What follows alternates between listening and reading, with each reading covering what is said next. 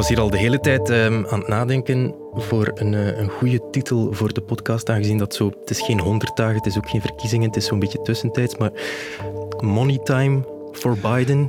Ja, dat kan, uh, maar ik denk dat we dan we zeggen dat vaak als cliché, het is erop of eronder, maar het is wel een beetje erop of eronder. Hè. Bidens presidentschap kan hier eindigen eigenlijk. Hè. Make or break. Ja, zoiets. Do or die, of is dat de nee, nee, nee, het is wel een beetje zo. Hè.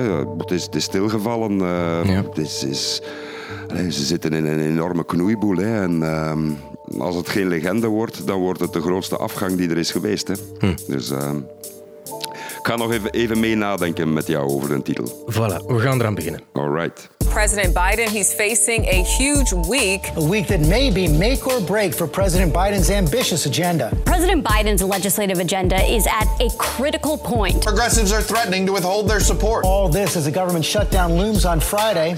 At stake, simply the agenda of the president, of their party, who desperately needs a win.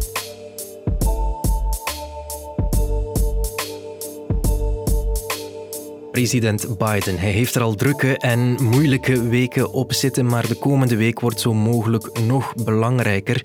Eh, niet alleen omdat er een hele race van zijn verkiezingsbeloften op het programma staan in het congres om daar goedgekeurd te worden. Er moet ook een akkoord gevonden worden om de VS van geld te voorzien, anders dreigt een zogenoemde shutdown. En er moet ook een verhoging komen van het schuldenplafond, want anders kan de VS eh, potentieel zijn schuldeisers niet meer terugbetalen. En dat zou wel eens heel dramatische gevolgen kunnen hebben. We hebben veel om over te praten, Björn. Um, laat ons eerst beginnen bij die twee grote plannen die klaarstaan in het congres om daar goedgekeurd te worden. Je hebt enerzijds het grote infrastructuurplan en dan heb je ook nog het nog grotere sociale investeringsplan van Biden.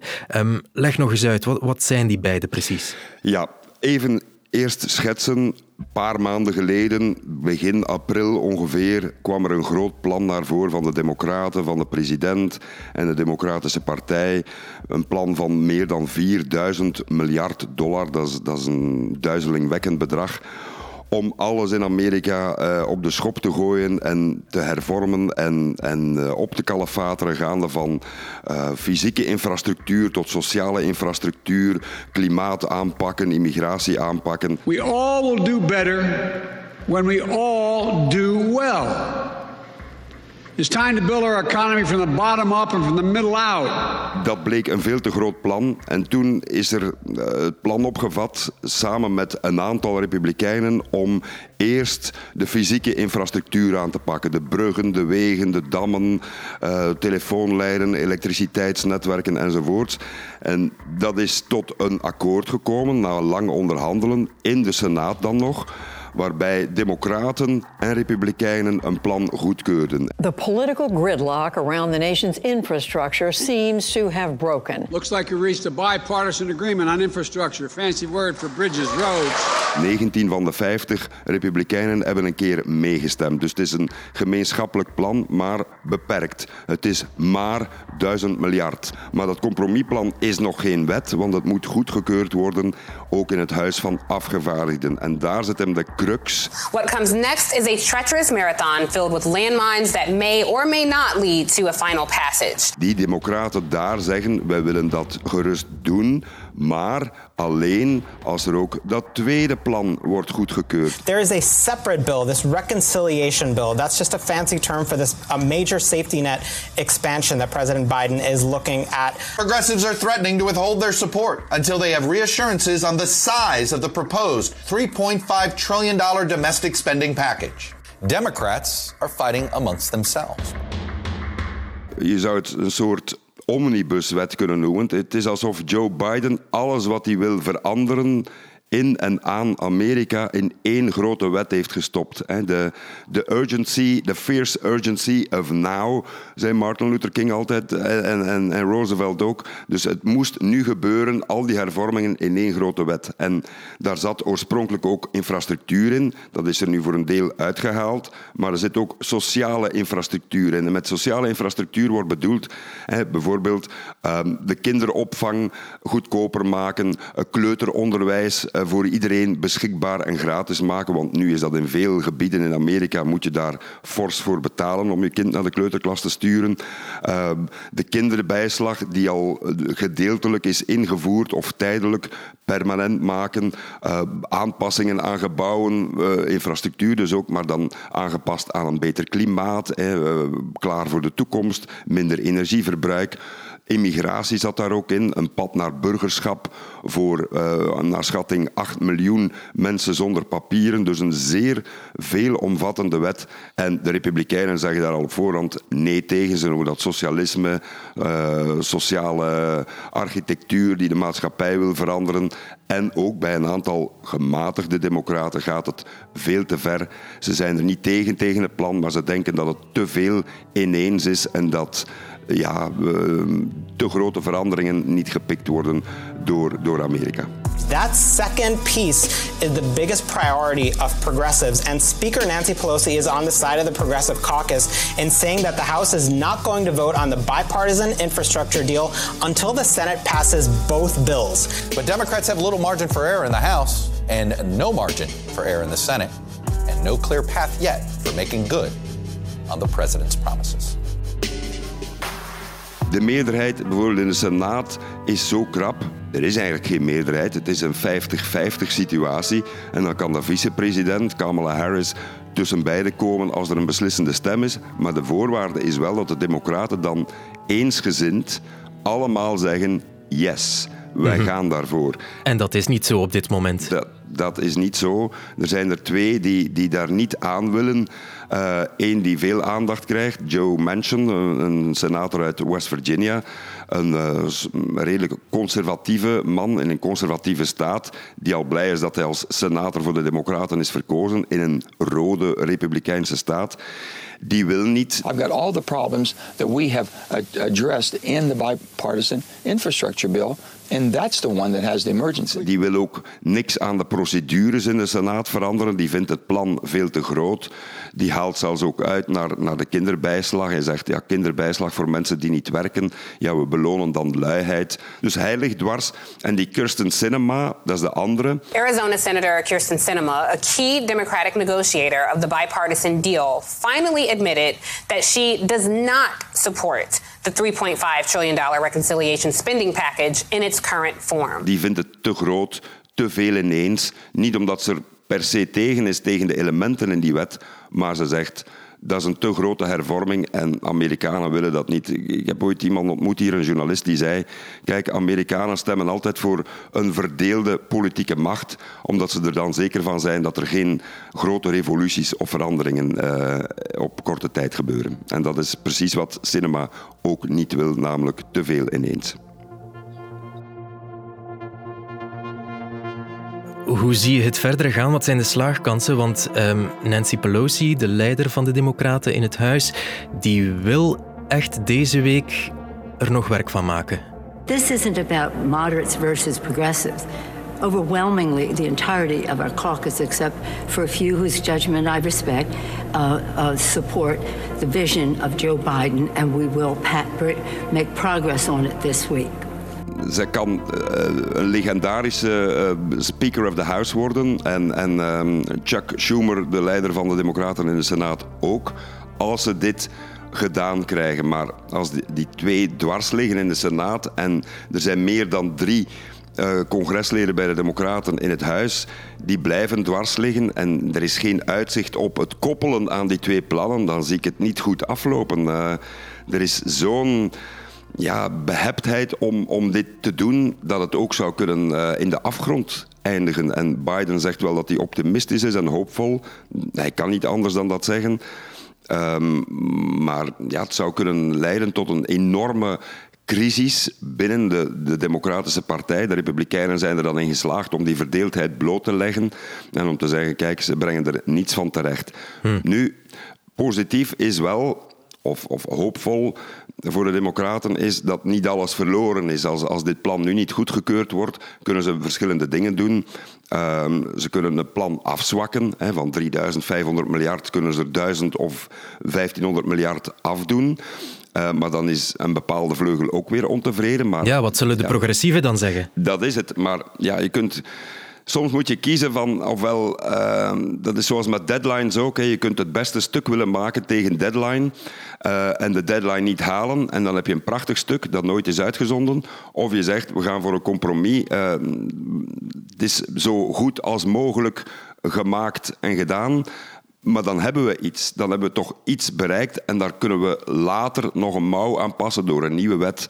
Door hem op te delen, door, door zijn stukjes uit te halen enzovoorts. Maar de ambitie was zo groot natuurlijk dat elke afzwakking lijkt op een nederlaag voor bepaalde vleugels in die partij. En dat is het lastige om uh, voor, die twee leiders, Pelosi en Schumer, om die hoofden klaar te maken voor bijvoorbeeld een afgezwakt plan.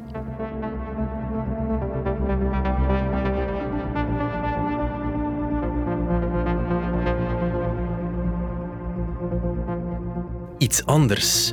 Minstens even belangrijk, misschien zelfs belangrijker, niet enkel voor de VS, maar mogelijk ook voor de rest van de wereld. De VS heeft geld nodig. Om verschillende redenen. Het eerste is, er dreigt een shutdown. Republicans are refusing to help keep the government open and solvent. This spending showdown comes with a critical funding deadline Friday to avert a government shutdown. Dat is een woord dat we af en toe horen opduiken uit de VS, Björn. Ja. Maar leg nog eens uit, wat, wat wil dat zeggen? Wel, een shutdown is letterlijk alles valt stil. Ehm, dat wil zeggen dat de overheid bij wijze van spreken bijna letterlijk de deuren sluit. Omdat er geen geld meer beschikbaar is kunnen musea niet meer open blijven, nationale parken niet meer open blijven, kunnen ministeries uh, hun personeel niet meer betalen, uh, de lonen niet meer uitkeren, sociale uitkeringen niet meer betalen, uh, op de luchthaven geen mensen genoeg meer vinden om de, de, de controles te doen, de douane te laten werken. Dus geen geld voor de overheid betekent ook geen overheidsdiensten. Dus shut down. We sluiten de deuren. En dat is wat er nu dreigt, omdat elk jaar uh, rond 30 september moet er een begroting worden goedgekeurd. En als er geen begroting is, dat betekent dat er geen geld is die, dat toegewezen wordt om plannen uit te voeren. En de, uh, het Huis van Afgevaardigden heeft een wet goedgekeurd waarbij de overheid blijft draaien tot 3 december. Een voorlopige wet, dat is goedgekeurd. Maar in de Senaat hebben de Republikeinen gezegd: kijk, wij doen niet mee. Uh, wij gaan dat filibusteren, we gaan dat niet goedkeuren. En filibusteren betekent dan dat er een meerderheid van 60 op 100 nodig is uiteindelijk om die voorlopige begroting goed te keuren. En die is er dus niet, dus vet probleem.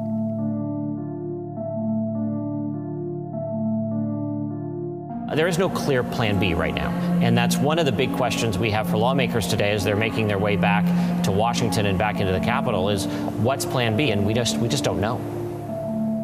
En dat is niet het enige, want dan staat er nog iets op het programma. Het schuldenplafond moet worden verhoogd. Wat, wat betekent dat precies? Het schuldplafond betekent eh, de overheid heeft een limiet op wat ze kan lenen. En om de zoveel jaar is het geld op en dan wordt dat routineus door het congres goedgekeurd. We verhogen het schuldenplafond, want de overheid moet zijn werk kunnen doen. Want, Thomas, het gaat vaak over, over, over overheidsuitgaven die al lang zijn goedgekeurd. Hmm. Dus het gaat niet over toekomstige uitgaven, het gaat over uitgaven die al gebeurd zijn. En om die te blijven financieren heb je dus geld nodig. Ook daar moet er over gestemd worden. Ook daar zeggen de Republikeinen, de, de leider daar, McConnell, zegt: kijk, Jullie hebben de sleutels in handen, beste democraten.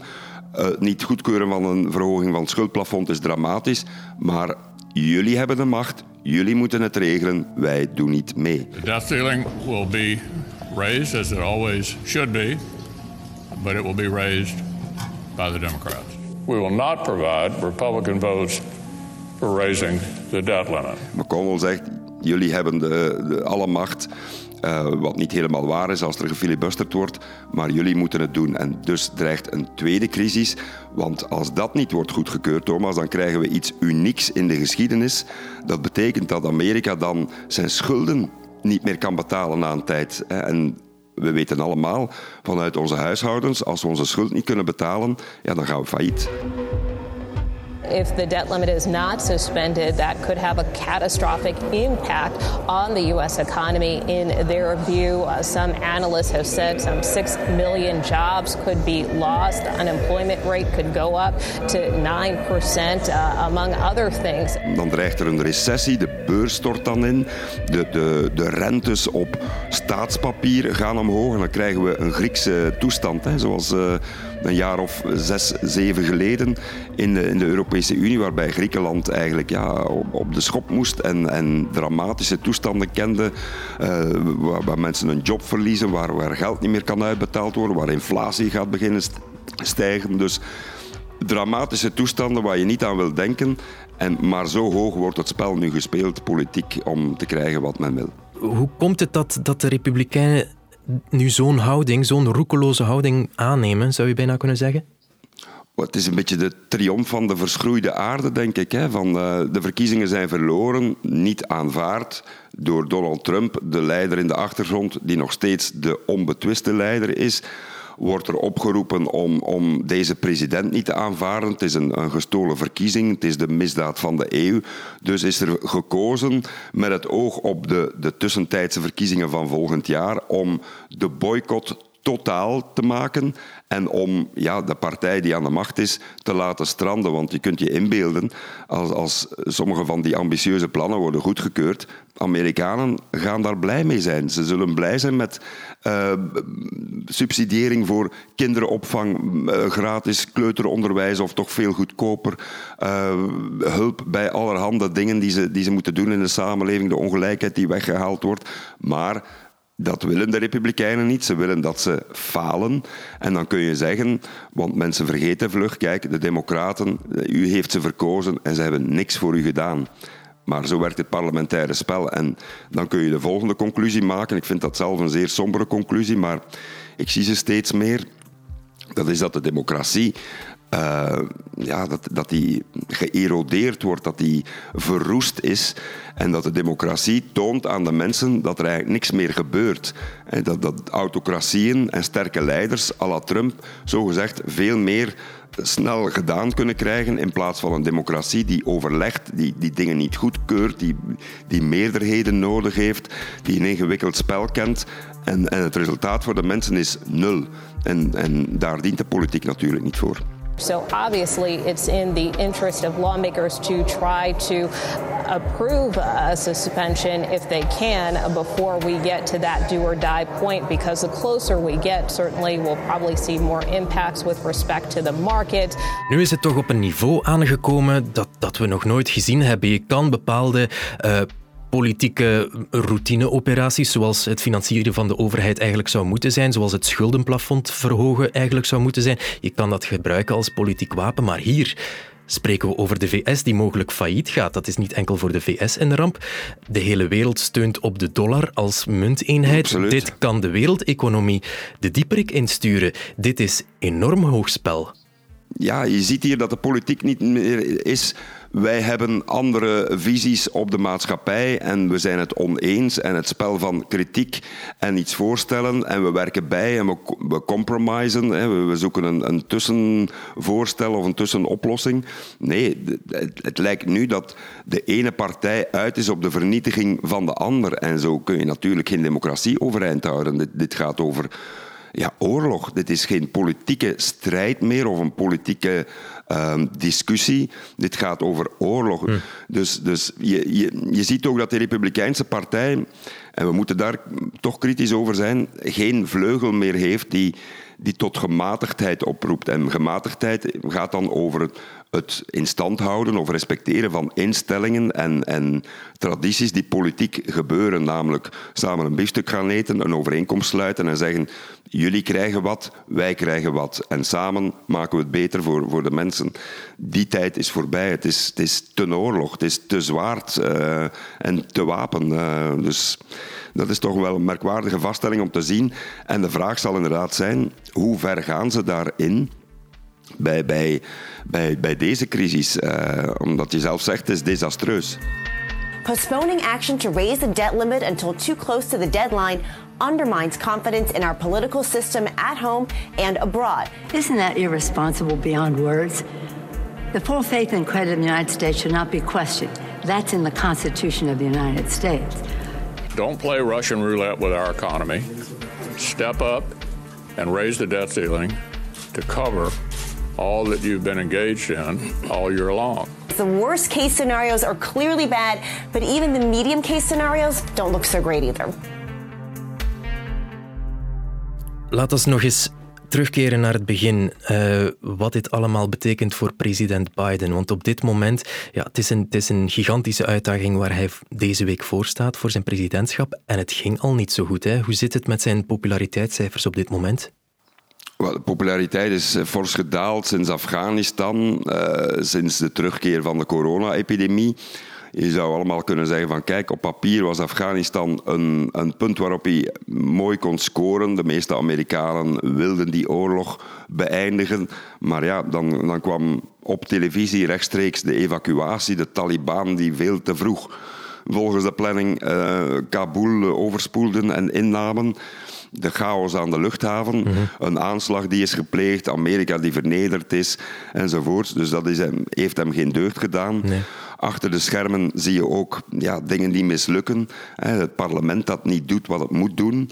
Ja, dat zijn geen mooie punten om, om naar je kiezer te stappen en te zeggen van stem nog eens voor mij, want ik, ik heb zo'n mooie plannen. Als je niet ja, de goods delivered, als je niet kunt um, ja, doen wat je hebt beloofd, ja, dan, dan word je afgestraft. En veel democraten worden nu zenuwachtig natuurlijk, want die tussentijdse verkiezingen zijn daar al over ja, elf maanden.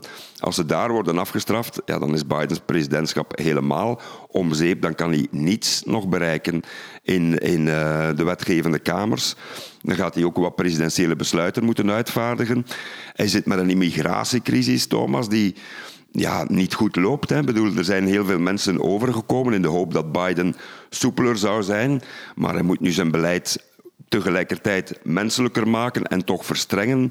Heeft die Haitianen... Ja, dat heeft hij ook niet echt proper aangepakt, waardoor hij ook zelfs kritiek uit eigen rangen krijgt, dat hij menselijker moet zijn.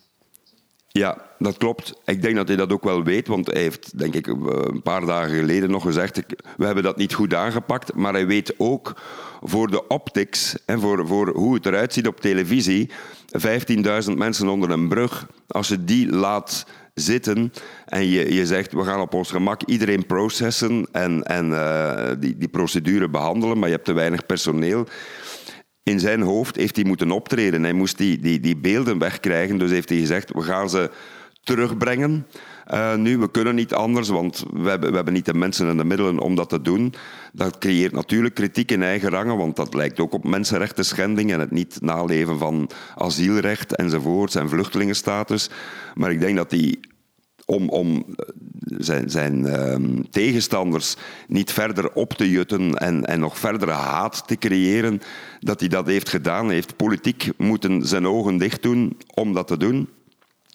Uh, maar ja, het is natuurlijk, om het oneerbiedig te zeggen, een shitshow. Uh, hmm. De Republikeinen zijn politiek zeer slim, gebruiken elk uh, incident dat er is om Biden op te jagen, onder vuur te nemen. En ja, gevolg 45% nog uh, populariteit, wat, wat niet bijzonder veel is. Het lijkt erop alsof Biden en de Democraten dringend een overwinning nodig hebben. Um, meer dan. Nogmaals, als dit plan lukt en het wordt uitgevoerd, dan is dit legendarisch. Dan is dit nooit eerder gebeurd. Zo'n omvattend plan om de maatschappij te veranderen. Ehm, maar als het niet lukt, ja, dan is het uh, mooie plannen. Dan, dan is het een beetje zoals de ziekteverzekeringsplannen van Clinton. Mooi, maar nooit gelukt. Hm. het plan van, van uh, Obama. Mooi, maar uh, uiteindelijk werd het paard een, een, een dromedaris met nog een extra bult erbij. Met haken en ogen aan elkaar gezet. Ja, de democratie toont zich niet van zijn beste kant in Amerika. Nee. Ik denk dat, uh, dat Do or Die misschien toch een goede titel wordt. ja. Goed, um, zeer spannende week dus op het programma in de VS. Um, Björn Soenes vanuit New York, heel erg bedankt voor alle uitleg. Met groot genoegen, Thomas.